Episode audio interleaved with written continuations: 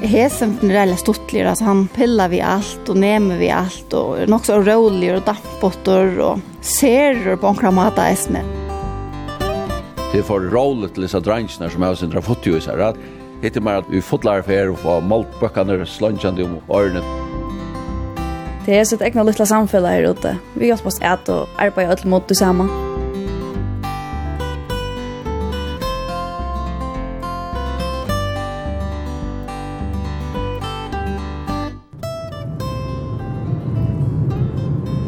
Gåan det, og velkommen vi Nuttjan Tur. Sjolvor har vi ofta rinka samvisko at jeg ikkje er meira ute i naturen enn i ere, og vi først er det verre enn æra tøyer, ikkje minst ta i vekkri er godt. Men i det er ferdig titta folk som er og negv ute i naturen, og som rører seg negv og kjera ta nei og arbeid ute i sambandet for ur kringvarpen og korte tjøknon Vesterbojen i havn. Og så gjerne møte Velpaste og Kirkjebø og kommer nå fram vi uh, bøylinjen norra Norrasta og her ferdig at dreia til Høkro Nian etter en smøl om vei her. Her kar jeg så et stort pett i atter og dreia atter til Høkro langer nian Her oppe er ein bøylingur, nastan ein bygd, bortstur fra RR bygging. Her bor ikke folk, daglige og gossusuer, men uh, her er fullt av løyvekortene, og ikke minst ein leier det som uh, i det, et løy morgon, sier de firmer at nek løyver og. Hetta er ute i Havnadale, her uh, Rossafjøsen i Ero, og Rossene er mange tale, men er opplyst at de er om 200 ross som heva bas her. Og så er det tver større vendingar hattler ni her, ein og tøy overa bøylingjennom og ein og tøy nere bøylingjennom, tøy tar er tvøyre tale, Tan nyare bøylingren er tan eldre, tan kjør fyrja Rujengafela, og tan ovare er først Oslands Rossafela som er nutjare. Så hette er vi Tore av Tore og i Rosapektene og i Havnadelen.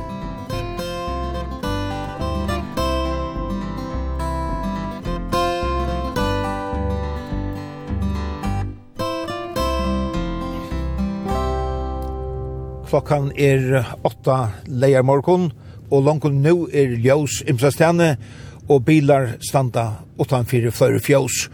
Og her oppe som uh, først Øslandsrasafjellet er, og i fjøse innanlige her, er Olva og Lofte lengst igjen er ferdig i gang, vi er Djeva og Anna.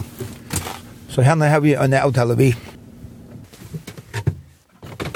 Vi har ikke Anna og faktisk han de er ikke det de enn at eta. Det stand inn i slutt rom og noen. og Det er ikke gjørdelig, det er gjørdelig ganger ute og finne seg grep.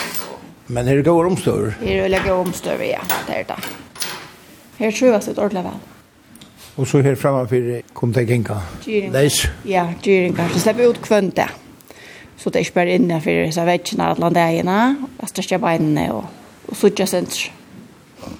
Hvordan ofte gjør du dem om, om dagen? Jeg har gjort dem fyra før. Jeg er ferdig til å gjøre fem, prøve til. Så jeg gjør dem alltid morgen klokken åtta. Og så har døvra, en, en liten middelmala.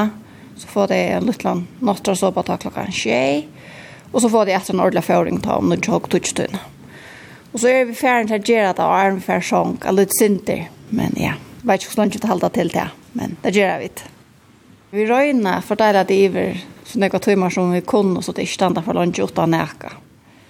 Det skal ikke gjenge av langere fyra timer, sier man, og er en ikke. Og hvis det er så ikke så blir det gjenge til det her man er. Og vi tar kanskje ikke noen muligheter for vi operasjonen, så hvis det ganger gale, Så man røyner omgänga det som, som mest møvelet. Jeg gjør det om grovt angsthørt, men jeg ferner blanda sin druslengs og pøy, og til simpelthen for proteinen er at man fer sånne foranalyser og ser til at hvordan proteiner og sukker og alt sånt er røy, og er det liksom lagt og i proteinen det danske høytje, så så jeg har blandat det sin samme av urslenskene, så, så det får proteiner for vøttene, det er jo kappingar også vi tar, så. Det är det väl och ordla frisalt. Jag vet inte hur i umgås. Det var sådär roligt där när jag snackade att man Och så att det få hört så där pura fri. Eller så har man bara gomlan från den. Jag har alltid det här som driver och för upptulliga och färg ut att göra dem. Det är att det blir så frisalt. Och det är nöjda ordligt. Så nöjda till det Ja, ja. Happy horse, happy rider säger man ofta. och omfram till allt arbete och tickare Ekner Rosson så undervisar du oss, ja? Ja. Etterspurningen er nok større. Nå er vi kanskje vært i Rossen siden jeg var helt ung, og nok snegg og kappa snegg. og så började det vi folk började spyrja, kan du hjälpa mig sen runt och samma sen tror jag tänkte nej det det då ju Men det blev vi att börja så tänkte jag okej, okay, jag, kan prova att ta började corona väl. Ta fick man ju helt ranka undervisare hem. Och ta vant bara passa så så det ger ju faktiskt rumna näck väl ja. Och jag kan hjälpa dem vi tar vid att ni har så vill gärna det. Det är ju utfallet att og til stor av for at få fra lærer. Folk til vilja gjerne, og, og da kommer jeg flere ung til, og kappingene driver sånn det, og alt vil være best, så, så jeg helt til at det er ordentlig stått litt, og kunne lære fra seg det som gjør det gjevant. Han sitter en trymmer, vil jeg. Det gjør vi ofte, tror jeg, at de får sånn ekman pels, og Och nu i häst det är så lukt. Det är väl 20 grader och det stannar fotl om vetrapelse, och det är ofta nästan 20 grader om sommer i helt Så det har vi öliga varit svarta. Och så selv har man inte brukat det, ja, då det bara stannar inne i boxen och dampa så det er sånn drøp i hela så vi har klippt dem. Man. Hästen klippte nog också näck, förmodligen när han har gjort før, men, men han är översläver i ordla vader och svarta. Så vi blev ofte bara klippa dem under butchen och synd under halsen och få öppna upp här till svarta da. Nu er det fyra rass her. Ja. Her var det imest lente. Ja. Etla lujkast all. Nei, ongen er lujka av damon. Og det er kanskje folk som ikke har oss også. Det blir stil at det er hester og... Men det er jo et ordentlig imisk. Det er jo veldig stortlig, og tar man en egron om det, så legger man merke til det, at det er jo helt annerledes. Hvordan er det ulik? Hesen, til dømes, hesen er veldig stortlig, altså han han pillar vi allt och nämner vi allt och är också rolig och dampbotter och ser på en kramata isne och så kan man tänka att han kvita charmar han är han är ordentligt en sån tom typ han allt det som kommer jag åh ordentligt spännande och det vet allt är spännande allt är nytt och så det är bara ja det är helt annorlunda Och hur man ordentligt väl arbete och hur så huxar åh det tog mig inte det är akkurat som vi människor alltid det är bara imisk man kallar action til at man ser det ju i sinna. Ofta når man kjøper oss så spyr man ja men hvordan ser sinne ju av man är. Och det man själv alltid här är är gott att det ikke är å stressa i ett lag som hör sin och det säger att till ett enjoy kan man se vitt att det är bara sånt så snar huxa back vad det är vill eller inte sjuka till vill eller så och vill inte geva sig. Det vill man helst inte ha utan men det utländska rossi är det är visla visla nem att att arbeta vi och man kan kräva en vad att man och ta och tacka det. Det är så mycket större parster att dagligt än att blir en lustigt. Allt är mer än en ett hobby alltså. Det blir en parster av en och av bötten och familjen ja. Det har lucka som till. Det gör att när vi är så aktiva är nek ute och man är nek vid gång så man är oss, man sopar och man fyller hörtkurvar och man fejar och Så man har alla svinka. Så bara det kvönta? Ja, kvönta. Det tog ju mig skildrande här att jag kan föra ut och föra åttan. Att det ska vara röjklaun för hemma skifta bä och allt. Och vad är det några avvursle av folk som er rosa folk? Vill du också om det? Det är ofta tas om det. Jag halte kanske att det er inte så sin och folk som jeg halte som, som blir rosa folk. Alltså ofta folk som er i virkje, alla folk som stjårar eller kanske ha inte belastande arbete, hvis man kan se att det så läsa. Men i rock nu vi att det här man, man stressar det av på en kramata. Man får sig frihet när vi kommer ut i fjöset och ganska glömmer adress och allt det här. Man är så nära naturen här uppe i Äsne. Det är jävla fittlig rest. Jag tror inte jag gällde hästar och så har vi ena rest som hade det samman det viktigaste. Här så har vi haft sedan hon var sex år och hon var fyrsta nu. Og så den kvite kommer han etter Hagengård, hinner i Russland Hesten er fålar av Danmark. Jo, han til høykeren, han har alt han til hesten. Og han er bo nere i Nekvar og, og leva dreimen av at leva av Rosson. Han kom så hjem, flott i heimater, og hei han til hesten Vissar, som jeg alltid han var 4-12 år. Jeg kjøpte han så ta. Og så er det kåpar til at han faktisk kappen gæsten kommer som er i har nå. Musikk Nå er vi til i nyere partneren, kja førja Røyingafella, og nå er hese morgenen langt og livet til veteranen i fellan som uh, møter tulja her i leiermorgen. Hans Wilhelm Lutzen. Hva så kjøtt de fram mot det? Ja, kaffe stå her, og ille hun har litt å genka, og, og sitte og få seg på rat. Om alt mulig, ferna tøyer, og, og akkurat nå i morgen kan jeg dreie seg sin trovel, og, og det. Så det er så året. Kvann leier morgen? Kvann leier morgen, og, og jeg er ikke så kvann leier morgen. Jeg stund til, men jeg røyner være snakk som mulig. Og ja, det er faste, altså, en, en tølvmanns, som oftast. Og det har vi pratet om alt mulig och prika till kon annan i mitten och då har flättat kvar norr och så så där nöttra med då för det ska vara snack om går. Nej, det är ganska sjögal. Hette så den första fjolsen blev byggt. Ja, ja. Det er flott inn nå, ja. Alle vekkene blir støtter samståndes, tog i fors. Og dette var helt utrolig flott da man kom inn her du vest. Vi fløysen av vekkene. Ta vi bygdes fjøsene, ta vart i loven og søsja røyfellan noen. At du kunde bara eie ein bas i parst, som et råståa. Og det var fire, det at, nu vet ikke hvordan jeg røykmenn over til ta, men at røykmenn skulle kjepes oss under seg, og så leie ut til hinner minnement, ja. Det tog det ble Joshua. Og TV steg fram lyk inntil 2003, da vi bygde jeg snutje fjosen. At, at man slapp bare eie en bas, men så var det folk som alltid, det som vi som fiskekvoten, eller man var smarster, så fick man ommena standa fire, og ånder och i familjen, ja, standa fire bas, och på tammata kom man komma eia flere basar. Det är alltid hoflå här som, som man sett sådana avgränsningar. Nu kan en eia ett fjås ensamhandel, det som man vila, men som det är ofta fyra månader av flera i en fjåse. Bäget är vi att, at skulle, man skal geva rossen äta kvar morgon och kvar kvöld och hitta til det i tjöken dagen.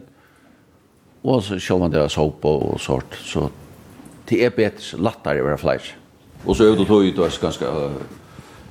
Hvis man er litt fire tjoker eller et eller annet, så det omkring færre og etter fjøs og fyrt. Hetta fyrsta fjøs og flott inn i Havnadal ja Ta fekk fyrja Røynga fjella, hette Øtje her ute? Ja, vi tar drøynta finnes jo Øtje i flere år. Det var fengt da faktisk i Kjellfjers, Bant utanför norra staten och bant vid Kroarhäck. Kroarhäck så tjävde vi ras här. Deras luttliga häcken här. Så här står här. Ja, detta var så 100, 100 000 permeter som fick ta i Kjellfjärs. Och så nu i år har vi finnit 400 000 permeter att trätt. Ja, nu är det här vi att här uppe i Marsnagille att snacka om en tunnel ska göras för att du inte inkom vid någon. Estra tunneln og så, så skal det komma en nutjer inkom över og så en tunnel från her oppe av vattnaskörron og så ut att i Marsnagila og så er det hvert at tunnelen kommer ut og man kommer i Rujebreiten et litt, eller man vil nya for det. Så tid titta ikke att samla alt virksomhet her ute og sånn Rujebreiten ut her, 500 meter breiten. Ja, det er det som drömmer jag kan till å få allt och öka samlar ute. Rujebreiten så tantogen gott och så igen 1904 och fram till Nå Nu fer genga folk kvönte etter disse rujebreitene, og det er verdt ikke da man begynte å ta i alfersen, at det gikk ikke folk og, og i de och kvällarna de gärna då nu nu är faktiskt farligt och kan komma rojande i fotlar för hemmeter du vet så kommer du igen truskelmeter och timman vi har en shot och rosse och och så kommer folk mitt i hela gängen nu det är en bil eller en bil kommer då det kan hända stor skoj ut tog drömmer om att samla det i rote i Hanadala och vi har alltså haft gott mot Hansen att teckna några landskapsteknikar av ökjöner som man arbetar fram mot å få det å minne om Gundadela, en sort øtje, uidrottar øtje, i framtiden. Breiter så luka alt sjåa krøv, til gonglasringar og, og, og, og til kappringar. Og en stor rundbanna, som man kan skaffe å køyre våkna, sulkier, som der gjør åttalanda til trav, til å begrensa hva man kan gjøre. Og en sånn øtja, men alt kostar, og, og det som er gjørst der ute i Havnadalle, det er gjørst av limen og kjafelan og AHA som har Hista så läser fra 8.5 av og fram etter av et arbeid på et øtje, og til ver forbedringar kvørst år. Og asfaltet her kom så av oss nær. Vi gjør det satt av Torsland kommune om en frutøyerstånd som er ute ta at det er utepattninger ble det kattlet av i Kjelfems. Og til at det er at det tørva å få plass til disse bøttene som gikk i frutøyerskuld i havnen. Ja, det var husvettler. Så bjør jeg dem til huset, vi, vi er en samling gjaldt det, Och så fick vi då i Sottmalan att det låt i asfalt av ötje och vägen igen och, och grå käva och så. Så det var gott för boa parster. Och nu stannar vi så i uh, till första fjösen här som var ju uh, en ta men nu är det så det äldsta. Ja, Hette er så det første fjøset som ble bygd i, i Nordsjøen Fors, flottar inn i dette fjøset. Ja, ja, dette var et størst frambrott av. Ta stå rostene rundt i byen i skoron og, og ja, uthusen, og anker stod vi omkring kjattlæra. Da var noen i halta var en fyra fjås, ordentlig fjås i han ta, i, i halvfjersen. Ja, dette var størst frambrott, og det var faktisk i samra vi Torsaren kommune, at man skulle få samla til rosten i byen, og få et øke til, til, til man kom så vikeskiften og sånn der, og rojene kjøkken byen, og alle skulle få kvarsene at, og kanskje ikke skille Silver så øyla godt alt døy. Så ta ta man vill det ha att samla samla öke till sig kreaturen. Det har rossa lukt ut mitt i byn och, och hänga kläder och snorren och så solröjt och svärar och vi tar själva fjås upp jag lutsöströ och då och bäckar ruva bant så innan jag gonla och här gick vi vi solröjt och och och hade kost åt därför och det var lika upp till 2003. Nu har jag alltid anrostande byn.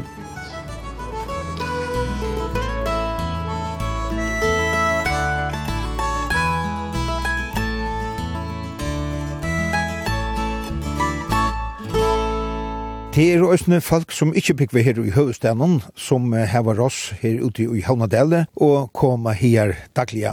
Margret Poulsen bor av Skalafjøren, Hon er sjukrasister av B8 av Landsjukrosen, og kører i midtelen Skalafjøren og havnene daglig, og kommer her ute i Havnadelle at passa rossene.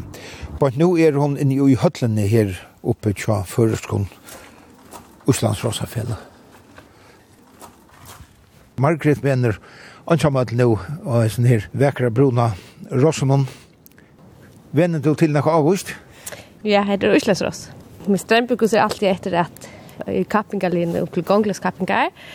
Det er venjen herst oppmøter. Jeg har trenet frem mot FM. Det er en hør kapping i FM-høyden i fergen. Men eh, vi tar lige i topp 4 nu några förna efter håndna. Så Det kan bara gänga bättre, kan se. Til det samme rosset du bruker kvar for? Ja, dette har vi så det i fyra år. dette rosset hette Ole og Anna Ropeksen og igjen. Av väldigt bra sätt. Och har jo også en sjal som vi kjøpte i maj månad i fjør, Som vi også börjar å vende til kappingar. Jeg har lov til å gjøre små stortliga kappingar vid hunden enn. Men vannende så vil han min kommande kappingarhäster. Han rangar över hästar. Eh, men det är något annat och jag där själv. Det är det helt säkert. För gångkel du att du vänner? Ja. Jag vänner gångkel, fet och trav, lopp och tölt. Det är en fjärgångter hästur så han har häst fyra gångkel. Ja, så det är ett gott ras. Ja, det är ett ordentligt gott ras. Det är det. Han heter Stefni från Tippafoss. Det är en fossur i mittlen fjärra som heter Sölais han är uppkallad efter här som han är fålar. Annars är det då av utländska slämmen? Ja, heter det en utländska häster. Och han som är i ösen är uppfjösen och han är ösen utländsk. Det är vinter och regn. Så tränar vi för det mesta inne. Och vi får ett ösen träna ganska sin. Du måste teknik när inne om man får hästen att lusta upp bättre efter. Men men det var en öle väl där ute. Säg att det var öle gott. Det är gott balsam för själen att komma ut i naturen en tur. Och ösne vänja allt det som man vänner inne utanför. Och vet det här innan då kappingar som är här i Höllne och om sommar eller ja, det var det ut mot sommar har vi FM kappingar uppe ja, och utväll.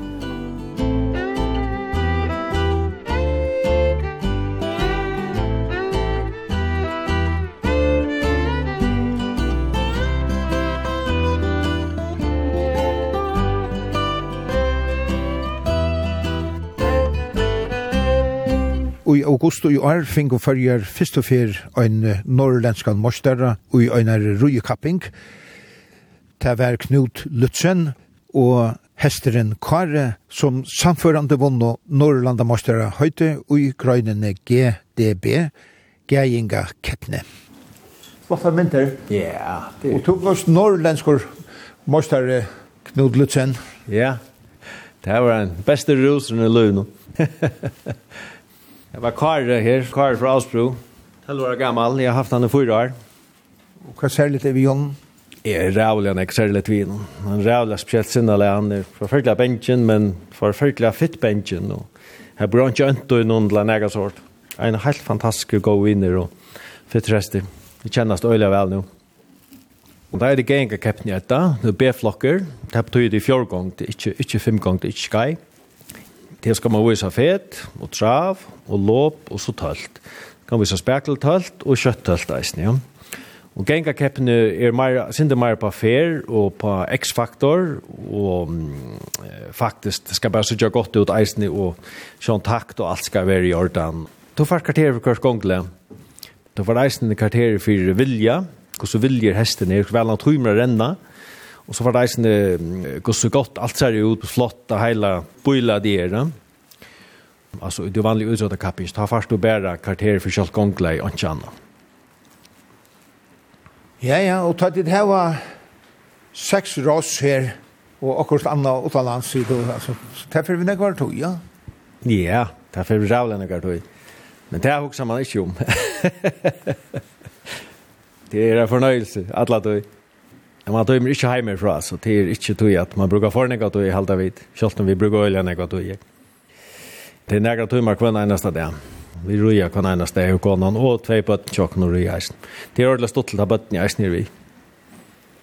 Så ofta nog som vad det hänt hvis ikke kunne ry mer til meg sier Aksmer til han, han kan dama meg selv vel. jeg røyner halta med eisen i form og sår forskjell fire, vi er vel fire, jeg tror jeg til at det betyr øyelig enn jeg firme. Er det nekka vi fellesskapene at oss, ne? Ja, for sør, det er alltid fellesskapen at gjøre. Jeg er ikke dømmer en som alle en fjolsjongstene nere bort, noen det er ikke dømmer her. fellesskapene er rævlig, jeg kan si. Det er en fantastisk fellesskap ute. Det er en sånn stor familie.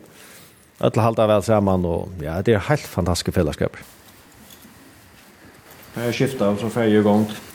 Ja, Vi vet av hallar, det er gåa. Det er faktisk som gjør det som gjør vi kunne røye så tog inn i, så ötna vekk noen og regn og myskre og sånt. Røyer du så kvendt det? Ja. Det gjør jeg så godt som. Det er ganske onker der i midtelen det for første kjøltan. Så det er nemlig å gå vi har røyer at at man kan røye kvendt det om vetren reisende. Og så har jeg kjøpt meg noen gode i reisende AliExpress. så det er ofte godt vever om kvalitet, så det er nok slekst å røye ut om kvalitet. Etter um, rosagøtene rundt? Ja.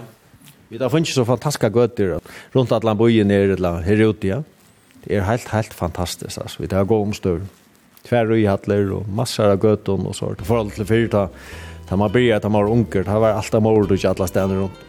Ta rei man nesten bare en sommer, nå røy man nesten mest om vetsen. og sommer, her får det faktisk pause, det er akkurat omvendt.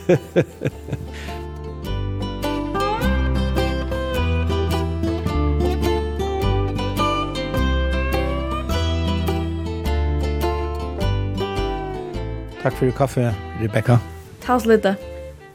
Ja, nu sitter vi til, oppe i loften her, og i øynene av fjøsen her, og til over parten av Havnadelle.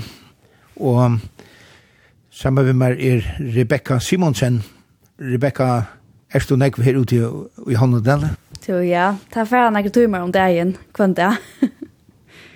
Ikke lille Lenn, at du er korsene kom ur Russlandet. Hva er det du gjør i Russlandet? Så her har vi arbeidt vi Rosson, en Rossagære, og det er trening av Rosson, tilrøyning av Ungrosson, vi gör trening av Kappinger Rosson og Ungrosson, Sindra Kvarjon. Jeg har ju jo av forskjellige Ungrosson, um, men han som jeg vill mest av her har vi denne 100 Ross, så det er en 25 Ross man slipper å røy om det igjen. Sindra Maren her. Så her er vi er det ett arbete som som allt annat arbete. Alltså ett arbete från 8 till 6 om dagen och och halta fri och vikskiftena för det mesta. Det är en utgångande oss i Uslanda. Bäi fyljardeser och allingsross och och de som har fruja. Det är så viktigt att vi gör dem fri under mittelnäsna. Så det är inte skifting i kvar inne när och och hur det är vant. Och i Uslanda vid vi där här är ju också nog så stor ärling alltså. Uslandingar säljer oss, som man säger, om att han har närmast. Ja, alltså av senaste nästa gång som är värre här hade vi trutja grejer standande ute till att här hade jag en tredje rysser i parst och stod ju ute samman vi som resten någon all sommar. Så här är det nästan någon som som är äldre Du släpper kött ut lite rost igen. Det som är fött i förrjon. Så det hoppar vi att bröta och få sin mer alldeles i här hemma. Så det är spännande att vi har en slukon gärre. Helt otroligt. Lär förbi nek. Og du har ross sjálv her, Øsne? Ja, men nu har vi en av disse sjálv her, og så ryger jeg sin til akkurat her og der. Altså, vi der er en trutjar som har standa i samme fjås her. Vi der har fem ross inne på nå. Så vi der her og dykker skvendt der, og ryger og hjelper sted og alt som hører til. Og her er kvar omstøver, her er størst bor og stålar og sånn om, og her er bare komfyrer og, og vask og alt det, og og møbler, så her har det gått omsorg, altså, annet enn bare at fåra. Helt sikkert, altså, i sommer som fjøsene kunne man sikkert godt bo. Jeg vet om onker fjøs har brus i eisene. så hvis det er, så kan man godt bygge hver en av løte. Og bare gjenker her dykkast. Da får jeg ikke timer vi sitter oppe og trekker kaffe og prate om ross og, og alt som hører til her. Hvordan vi venner, og hvordan vi kunne forbedre oss. Og, ja, ja, så så i middelen, så, så etter vi døra sammen her, og så er det nesten til, ja, ja, jeg varsler kommer i i middelen. så man kan også sånn si at det er en uh, luftsformer? Helt sikkert. Det er sitt egna lilla samfunn her ute, og vi hjelper oss til at og, ja, arbeider alt mot det samme, ha AHA-mål. Alltså om hesa årstøyna, ta, ta trener vi grullene kvinner, så jeg vekker er ikke særlig godt på henne. Um, Og så kommer börja kappingar så är jag och först nästa år. Det januar og, og februar, mars og alt det her. Ta för det sin til meg her ute i Hanadala. Och så är nu där vi där finns nutja. Vi får nødja kappingar brett i sommar. hun vil ikke nu i bruk i sommar. Och därför så har de öppna fyra. Vi tar va flere kappingar möjligheter og kunne ha flere kappingar flokkar og i med så vart Så annars är er det ända ner i en mest uppbygging det Alltså Rosenjocken gänger ut i sommaren och ha ferie. så ända ner tojen är er mest brukt till att bygga upp efter och och lägga vettar och allt det där. Kvar gånger tutte Rossum sommare. Jo, det här var inte någon nölsa. så var det att det sylte ut och gänga här några månader och slappa av. Och vi har upplevt en av förna höllna förna luftna. Och då miste vi den, och hadde faktiskt unge høyt i några månader då måtte vi arbeide sammen med fällan och och bruka så mye høyt lærere. Så da upplevde vi hvordan det var at ikke ha en höll oppe, og det er nok sånn jeg bedre ha en. så da ble hun så bygd opp alt om at det, og ble litt sånn større da. Som har vi ordentlig oss for Jakob. Er det ikke dårst at det var rås? Jo, altså det kostar bare tog og orske og alt. Men jeg synes ikke det er det her verst, altså. Helt sikkert. Vi vil jo at, at uh, rosten jag skulle ha det godt, og standa hatt og eta vel, og, og alt det her, så det er där färnek pengar utan men det er, ja ja, det er det som vi lever for det. Om du skal sette ett tal hvordan hur snägg kostar et ross om året? Om året vet jag inte. Det här vi släpps råkna samman. Men jag vill inte mätta till en 30 kronor om månaden. Får och nu är jag själv parst i fjolse så jag lägger mig in i en, en box. Och så är det grafoer och vi lyckas halda utgör och, och allt annars som har till. Spönner. alltså man ska tömma det vill jag säga. det är det är inte bara en cykla som man brukar ta man håller och sätter fra sig att ta man lever. Ja. Det är alltid vi går och väcker och väcker gå och dövon, challenge dövon så är man här ute och passar oss.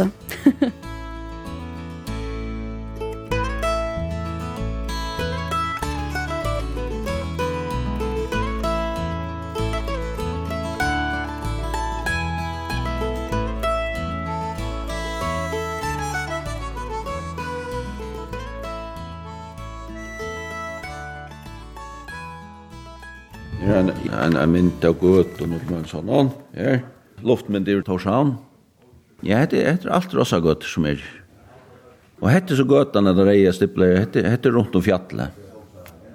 Ja, ja, vi halda fast på at det er rosa gøt.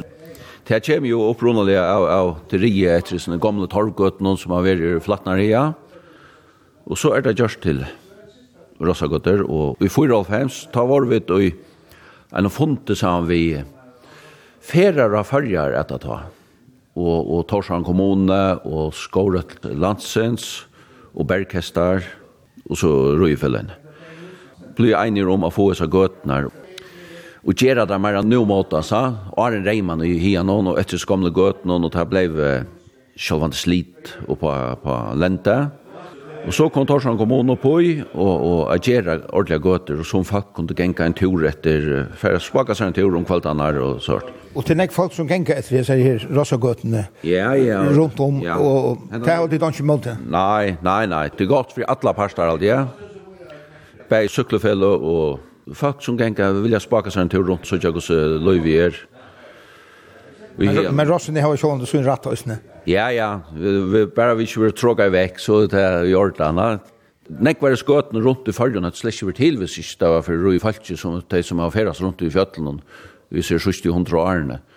Så det er simpelthen vært vekk. Det er en av endamas greiene til roi nå. det er at vi lykker halte av være gøter, det som er i mittelbygter, lia værar oppa til og ja, og halte seg gøtene og lykker og bruka der, så det er ikke blå vekk. Og det er det som ferravinnan nu er det godt av nu av døv. Så gott när det var länge sedan för när glömbotch när vi ser till sjö för rojfack. Förra rojngafälla tycker fälla er jo nok så gammalt det. Ja, ja, 25 i øren, og jeg tror ju nu kan tror ju för det blev stanna. Men det var fel och arna. Arna förra rojngafälla. Som uh, Ja, der eldre var vi i Kjerstamår, og, og, og et var i Hotne og der var det Øy, og ja, der så riget har første tjonen. Og man ser at man lyst til kappringar og i i 1921 at det er rujingar fela i stendur rundt i bløvnene. Og det fela er så til vi til oppi 30 i Ångstøy. Og så er det et annet fela som det tar også mer av, av ærling, det er at streimøyar rossa fela. Og det var fyrir at, at alla rossene får bedre stående i førjen. Det var så virkelig, men kanskje för å få mer skipa så så tog Axel Hansens så og han var ju mer 16 år gammal då. Och Lovers runt. Axel tar varit unger, Axel Livers har for til å spela regna och och att att få han att stanna fyra i spursen till att att stående ta fälla i. Och det var simpelt för å få samlat samman och få mer skipa i vi skifter vi ruins till særlig også också där. Så har det ikke herfra og frem etter det, og, og, og så at uh, få en kappring av breit, det var i øyene jeg fremme, tjøkken togene, og i aller festen tar man rei kapp, og i 21 tar rei man opp i Sondsvennen, og man byrjar her oppe som hennes i Hovadals av boet. Det er bare om man fyrir som utvarsbjer, vi i vrev. Her boe hennes uh, i Hovadals av, starta i posten til honom, hia porsen var her oppe, og så rei man om han til Verland, snickaren. Här var malet, og til här som uh, maktstöjen av ringvinnen og stendt. Så man ser akkurat att här steinene og i havene her kjøverland til att här är som Malle vært tjata. Och det är 300 meter man räcker att ta. Och det är nekva gav oss över här från. Och du får där nye att att när når anker er vunnet, så var det en av en rundt hvor är vunnet, Och så får der nye att der prøver att nottna. Så det här var runt så ut. Och så härifrån får det så ut av Velbastavei velbastavn var blivit så mycket gåvort har i 1920 og fram, lykka til fram til av Olasøken 1904. Ta var rujebreiten og til lio. Ta nu kjører fela i ta ovara. Først Oslengs Rosafela til Ørvis og Kapping en tikkara? Ja, ja, ja. Peru er nekve gongelø på en Ørvis og mata. Så tikkon er det mara ferien? Det er sprint faktisk, hvis man fyrst sittler seg en kanskje en, en, en, en ballettdanser og en sprinter eller hørt, ja. Og i stå i til måneder nå.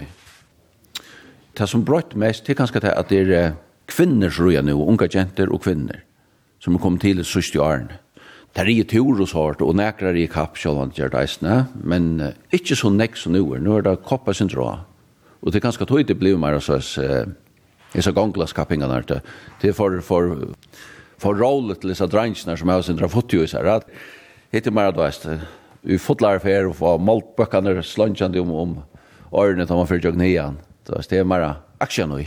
Vi suttet tar som er rik happ, ta og i 20 noen og, og fram etter Kjolland Veriser som har vært tre menn i havn og, og onker over handelsmenn. Og så øyla nekver bøntre rundt omkring, Kirstjøbø, Norradale, Siradale, kottla fyrir skælingi, du veist, allt her rundt om mer og i Sorsreim. Har låtit ikke, jeg lukka fra Kvalvik av, Thomas Kvalvik og vi, og du. Det er faktisk vært bøntrene ganske som har møtst, og så tidsjana kapping opp, og så, så er det vokser mer og mer frem etter det. Ja.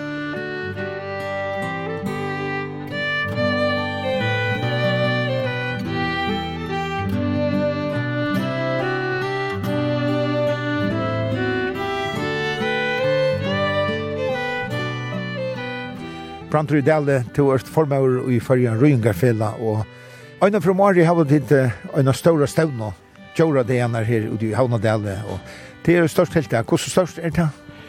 Jo, for okkon er det risa størst. Det er en måte som vi brukar til at at bøtt kunne komme ut her og vite okkom, og at uh, vi lukkast kunne kunne deg om hva naturen er, altså, og, og, og, og som er eisen, tog at, altså, vi, vi tar det som en sån illgronom att at, at, kanske sälja hanna bort men är inte det vet att släcka kvätt hva det er fremme av afton og Jordan Lonker så tog tog börja vid på at det släcka og det er jo ikke öle vel alt. Vi kan jo mynda meg at det gjør en fitt intog till fela i. Ja, det altså, det er lussa kring jocken i fällan. Det det är sånt jag feil, ja, men uh, vi har till altså, valgt valta helt det som prisoner lærne, så at, så man skal kunne komme ut her utan for Ørmund hos han så at att ta gärna inn, men til det kom ölen folk. For en tøtning får jag leva för kom jeg, jeg halte til er tvær av inntøkningen til Finland som vi får ta veien alt. Til, til middelen 150 og 250 tusen om året alt i her alai alt. Jeg godt år er for opp om 200 tusen til Felleshuset er utbyggt, det blir byggt ut nå fra 140 til 305 meter, og det er jo en stor ulova, og det bruker vi ganske en 20 der til å futja, så det er sånn at det er fyrt til, altså. Alltså huset blev byggt ta ja, det var så 95 så och det blev byggt i då så det blev allt jag självboy ta. Alltså vi, vi pratade se jag hade hund i huset kom upp för för kanske 200 000 och till till det som 25 meter kostar nu va så så det kan köra samma lucka men ta väl allt allt självboy arbete att folk hade tog till att göra det då alltså att men men här för har så valt en lösning här bosätter Jim Jerrock och hela vad jag. Så följer fälla är ett fälla. Ja, absolut. Alltså fella är det fyller först kommande år, men, men, men till något annat det är mer visst än det kan ju Och Limatal är något annat det är större helt. Och blöda vi har kommit nog falt till? Ja, ja. Om du hickar ner backen där uppe så, så sticker vi det ut här nu till, till Altruschen Nudger ända som vi kallar det här uppe. Så att det kommer Altruschen och så trätar vi här uppe. Om, om att vara vånand. Så det är läxt att chatta alla tyna. Og det er nudge folk, nekva av tømmen?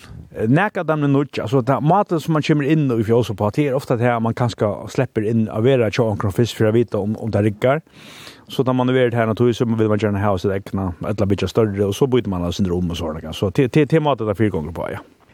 Altså, ta, ta er vær uh, yngre og rei, ta, ta var det nesten bare dranger som rie, ja? Ta var ta var onkel Hentika gent og och och efter ta där ännu äldre så ta var det ta samerna sen kom för Grossberge. Ta kom fyra, ta var vi månaden ta kan man säga så läs. Men uh, nu har vi varit former Ruiz samma där. Vi hade hackt och det så det att 50% av de levna som var födda er 55, det var manfolk. Och 50% av de levna som var födda 55. det var konfolk. Så det er hentet skiftet her på et. Jeg, jeg, jeg vet ikke om det er ser tekniseriene vi, vi, vi rossagenten som har gjort månen her på men, men det er eisende utenlandet. Det er, det er ikke bare for. Jeg skilder faktisk ikke litt, og at altså, hvis man var en dronker i teenageåren så heter vi godt mye og det handler da liksom, det er nekva fitta gentry i rot så at men, men jeg vet ikke, her, her gjør andre ting og det skulle jeg se om det er snart fri til Nu du skal vi en ryngatur i morgen. Hva gjør vi til å fære en sånn tur? eh salafri allt ja. Det är alltså sex med jag sett faktiskt ordna på par pojrar i kaffellan under morgon alltså men alltså ta jag hukt ut den så jag försöker vänta så långt när vad ska heta kan bo i man vet inte så väcker vi sätten så så får ju det sälja med häst så. Så ta en god löte är så kommer trångten Ja, ja, absolut. Jag har alltid det när jag sammanhang hem som har båt alltså där där släpper du fjörden så lugga som så frier, va. Och hvis man då ordlar gott så lägger man telefonen lite efter det.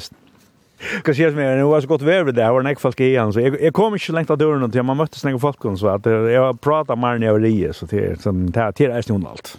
Så tills det går prata att det mötas.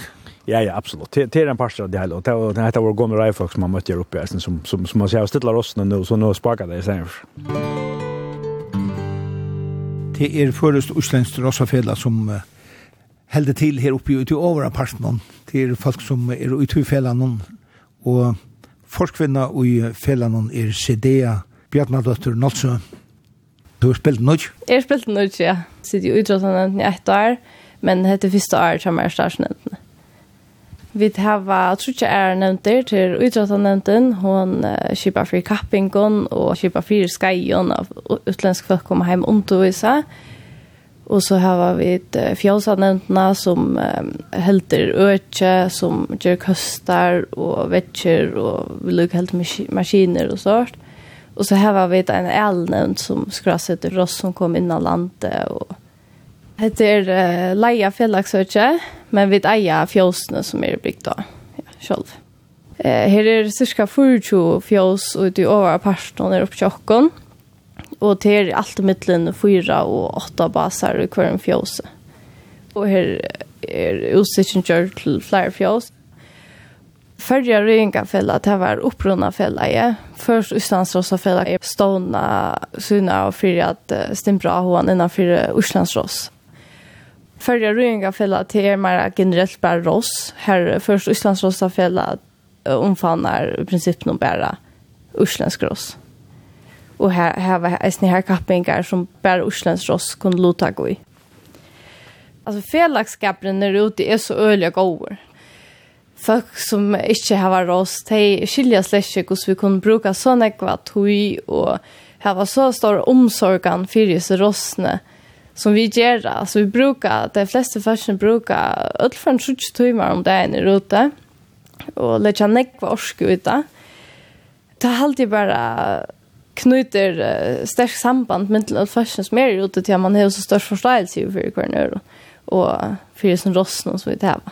Men alltså kvärt är det vi rossen som, som ger att du hur hoa som det kan tog på det?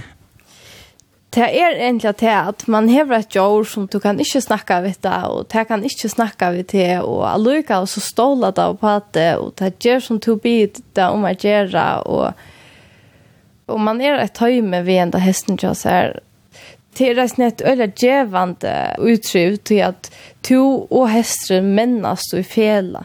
Det er som bare hästen kan lære av det her, och to kan eisen lära nekva av hästen. Räsotlös. För att lærer du av hesten? det kan bare vara så som männas innenfor Rossaheimen men det kan så sannelig eisen være männas som personer. Alltså du lär öljan när jag tar arbet alltså du är steina om att passa på ända hästen du ska köra någon äta du ska köra kraftfower och boxen ska rensas och du ska vara ute och där och du behöver arbet där var en kruja tur som som inte bara kan tvättas i en annan person. Och så ska man äsna vänjan. Och här och i Havnadal är det nek bikt til så sørste årene. Her er nek for fjøskomna træt og tver rujehattler. Er det framme i stor avhå for at uh, få seg ross? Ja, her er stor avhå, og vi standa i storum vöxtre, hur lätt oss folk att säga att kvarren är det.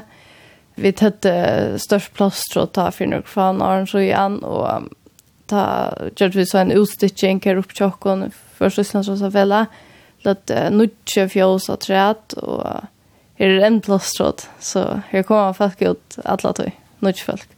Og er det um, kappingene til de kom som dreier nødt folk her? Det er bare avhånd for det her var rostene, men det er ganske særlige kappingene som motiverer folk til å henge ui. Ja, det er nok det som dreier følelsene aller mest.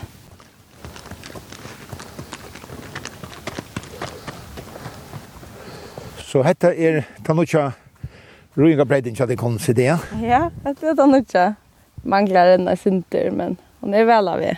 Så dette blir bedre enn att det kommer vänja og kapast. Ja, ja, vi har haft det så breddna alltså och nästan vi gör det lukar så under Georgiana til flere herrar så här så ja. Nu blir det ordentligt gott att få en annan tjej. Og, og her kan gå rundt, og så er det fält ut i Njoj. og så er är en långt ösnen så ju nära. Ja. Vi hadde en, bare en ring og arden som er til sportskappingar. Nå har vi gjort en ring at som er til gæringarkeppene, og så en av skybreit som gonger beint. Og så har jeg fyllt mine ut som jeg kan røy og trene her.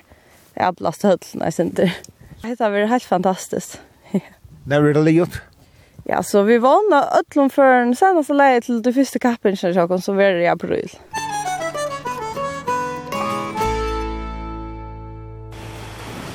stor høll. Nu har vi hvordan det regner ute, så ja. får man det være godt å være her inne, ja? Inne i Røyengarhøllene, Hans Wilhelm Lutzen. Ja, her er en som lanserer en ross, eller ja, nå renser han akkurat hekvar, etter en ung dame. Hun renser hekvar når hun døy. Så får hun noe lansere, lærer det trav. Hun har stått lagt sånne uh, plankar ut der, for å få det genka ordentligt. Så han tar gjerne ikke sendt så fast inn i, i høttene, Så man kan allt för innan så rojer man runt om mer. Och, och höllen är 21,5 meter brei och hon är 3 meter läng. Och hentan höllen har ösne sina forsøv, va? Hon er, hon er ikke alt steg her. Nei, det er faktisk pakkhuset tja, nere tja samferselene, nere her som ferstøyene nå. Vi tog en parst 45 meter nere at i høttene. Det var nok fel og i Torsson kommun som ble på en hvitla teka gjøre tilbå å takke til høttene ned og gjøre til øke til det som det er i det. Det var tvett strøy. Det er vant til tilbå, ja. Fella ikke mer, og hva gjør man jo? Hele høtlstendere, så jeg var former til Røyfelland da. Så jeg får, får til livene til Røyfelland si at uh, hvis vi takker høttene ned, så eier fella igjen. Hvis livene til Røyfelland takker ned, ja. Og det var ett vet tror så har man samlet holdt håll trusch folk, bär mannfolk og och og ung bøtten var hjelpte til at jeg takket nye. Det var bare skruer og sånt. Jeg tok noen få av det her. Jeg takket det sånt. Og pakket nye inn i store fjordfosskontainere. Men boene var så mye store. Der kom vi opp i Sunde, havnøkken her. Og der lå så her oppe fra 2003 til 2008 har vi sett igjen oppe. at. Og så kjøpte vi fyra uh, boer av træet, stalboer. Så det var kopp for fjellet? Ja, ja, så hørte vi denne flotte, og til å sette igjen oppe at Ta Så kjørte vi på samme måte. Vi ringte rundt, kjørte en liste og ringte rundt til, til, til Øyland og Handverskere fellan noen. Så, så vi kjørte fyra holdt, som så delte dere rundt, og så ble høttelig sett opp. Byrja jeg alltid høstkvöld, at jeg gjør disse søgene som er inne mot fjøsen. Og så frutja kvöld og leia kvöld. Hun stod leie og sunne kvöld høttelen, innlokka. Og vi var øyelig heldige. Vi troff vi en øyelig gav en det Det var pura vindstille, sust i september var det vi gjort. Ja, det gikk fantastisk godt. Nekk folk og bæg kvinner, menn og bøtten og alt som hjalp til.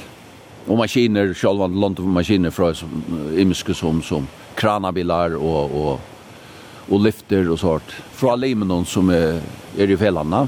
Ja, og nå sender oss i en høtle ute i overre parten her, tja, hinom fellene. Ja, tja, føreskånd og islenskånd, rossefellene. Ja. Og Det har var stora tøtning, ja? Ja, og årene så hattlanar koma, så får man tur i vikskiften og kvalta det var vever til det. For jotan tar som trener til kapprungar, tar, tar trener i ötlenvekker, ja, og helst du myskru for å ikke skulle sutja der. men, men, men nu er det blivit helt ærvis, nu, nu er folk, folk alla tøyner, og særlig sig unge, du døst, unge bøtten som er her, og, og, og kunne bruka over inne, det er ikke mån, gå så vekker her,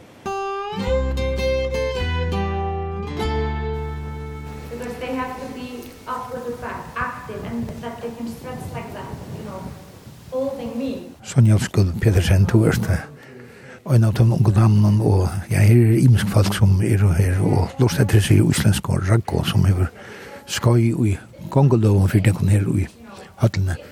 Er det avhåverst? Ja, det er alltid. Det er alltid vi flere folk og flere meninger, jeg sørger vengen så Da må man bare vel. Hun kommer fra Øslandet, hun finner nekka vi i Øslandet, for vengen, og kjent. Vi var jo før, og nå er nok snakket sånn sørst, men alle folk er klar for å komme natt. Og jeg har lært i så løtene til av lørsten, og nå visste jeg om. Ja, det er vi faktisk. Jeg var østen i Jar, det var veldig spennende, men fikk ikke større alle andre, men så fikk jeg tullet fri i det, så nå holdt jeg videre resten av den. Har du det ofte skøy? Vi drar inn her var en av romanene her i høttene til Føringafella. Ja. Det er tve viker siden jeg var i Danmark, nevnte Sara. Og langt i ja, januar 2013 fra Russland.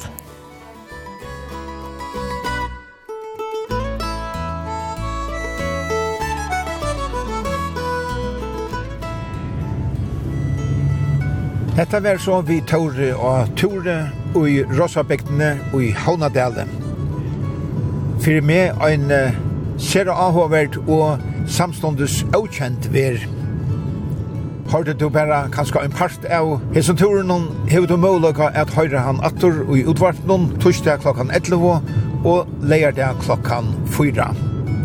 Og han er som vanlig til Østene og Høymasøyene til Kringvartnen skriva kvf.fo framskak tt.